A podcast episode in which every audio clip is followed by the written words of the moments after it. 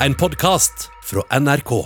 Mange husker denne saken. Hun var bare ni år da hun forsvant fra bydelen Fjell i Drammen. Therese Johannessen. Nå er det 32 år siden, og moren, Inger-Lise Johannessen, håper at en ny TV-serie om saken kan bidra til nye opplysninger. Det var 3. Eh, juli 1988 at eh, ni år gamle Therese Johannessen forsvant fra Fjell i Drammen. Therese-saken berørte mange på slutten av 80-tallet. Ni år gamle Therese Johannessen forsvant fra bydelen Fjell i Drammen. Nå, 32 år senere, har moren Inger-Lise Johannessen delt sin historie om saken på TV. Jeg vil kjempe videre på en måte at, at eh, noen står fram og forteller hvor Therese er. Mor Johannessen håper at dokumentarserien kan gi saken ny oppmerksomhet som er en av grunnene til at hun har valgt å være med i dokumentarserien. Altså, jeg vet jo at, uh, at Therese er jo ikke glemt, på en måte. Men det er veldig viktig å få fram hva som skjedde, hva politiet gjorde, eller hva som er blitt gjort i det hele tatt i saken.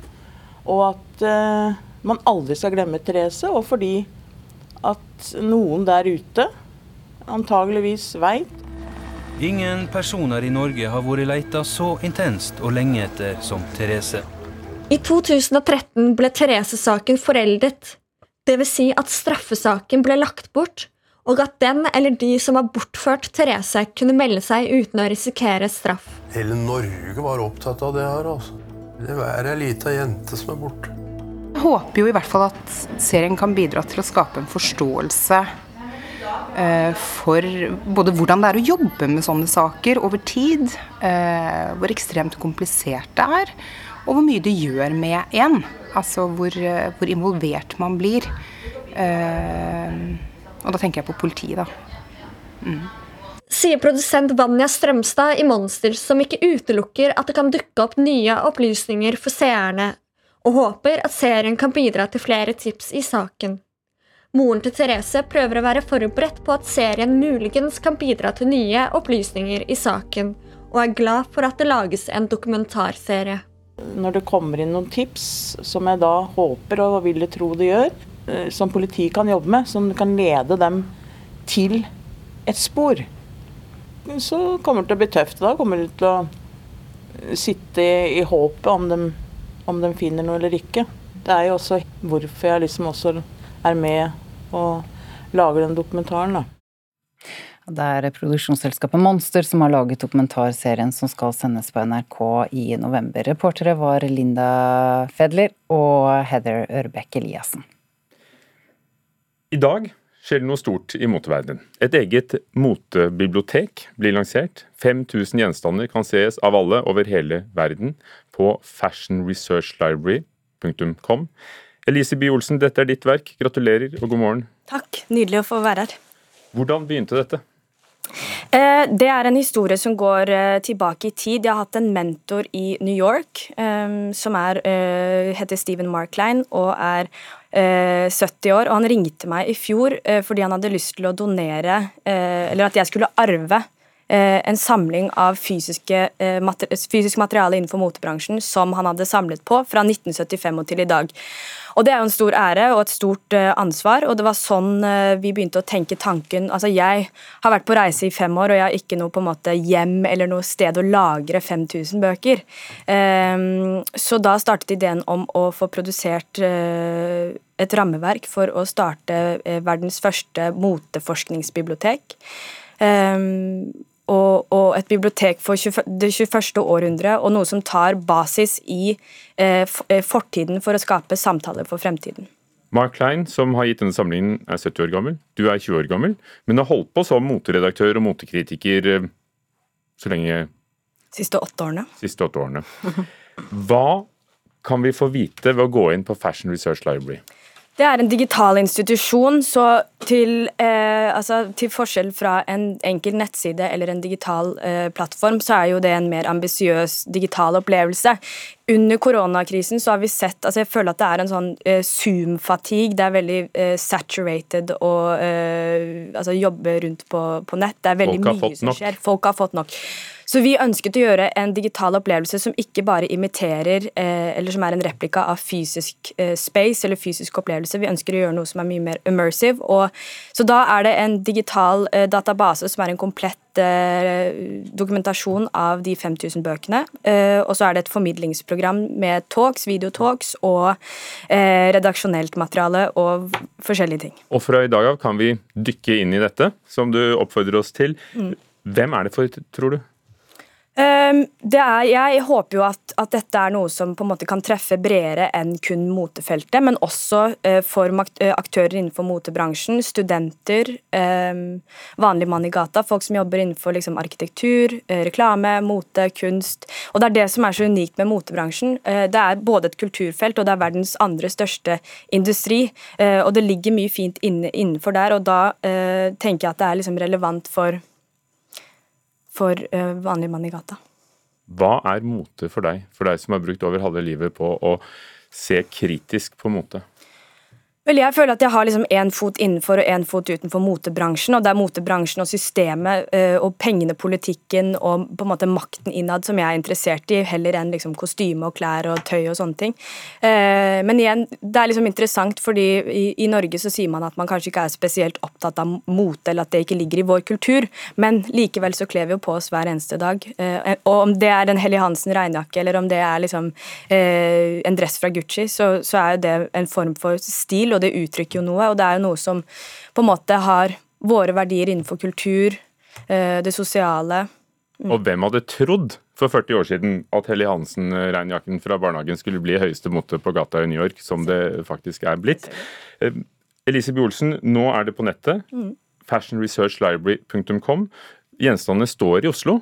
Eh, tror du det blir et sted vi kan gå og se på det også? Det håper jeg, og jeg håper at det skal være åpent, gratis, tilgjengelig, ehm, og at dette er noe som kan inviteres inn og, skape dynamiske, fine samtaler, kritiske samtaler eh, rundt mote, og at det skal ha en lokal forankring i, i Oslo. Takk skal du ha. Elise Bye Olsen, som står bak Motebiblioteket. Entre 1880 et 1960. Voilà, c'est vous maintenant qui empêchez l'Afrique de récupérer ses biens.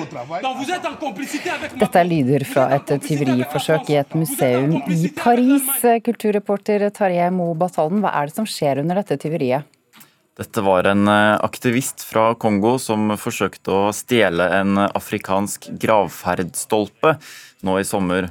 Eh, som vi hørte, så holdt han eh, først en eh, slags tale før han forsøkte å stjele dette monumentet.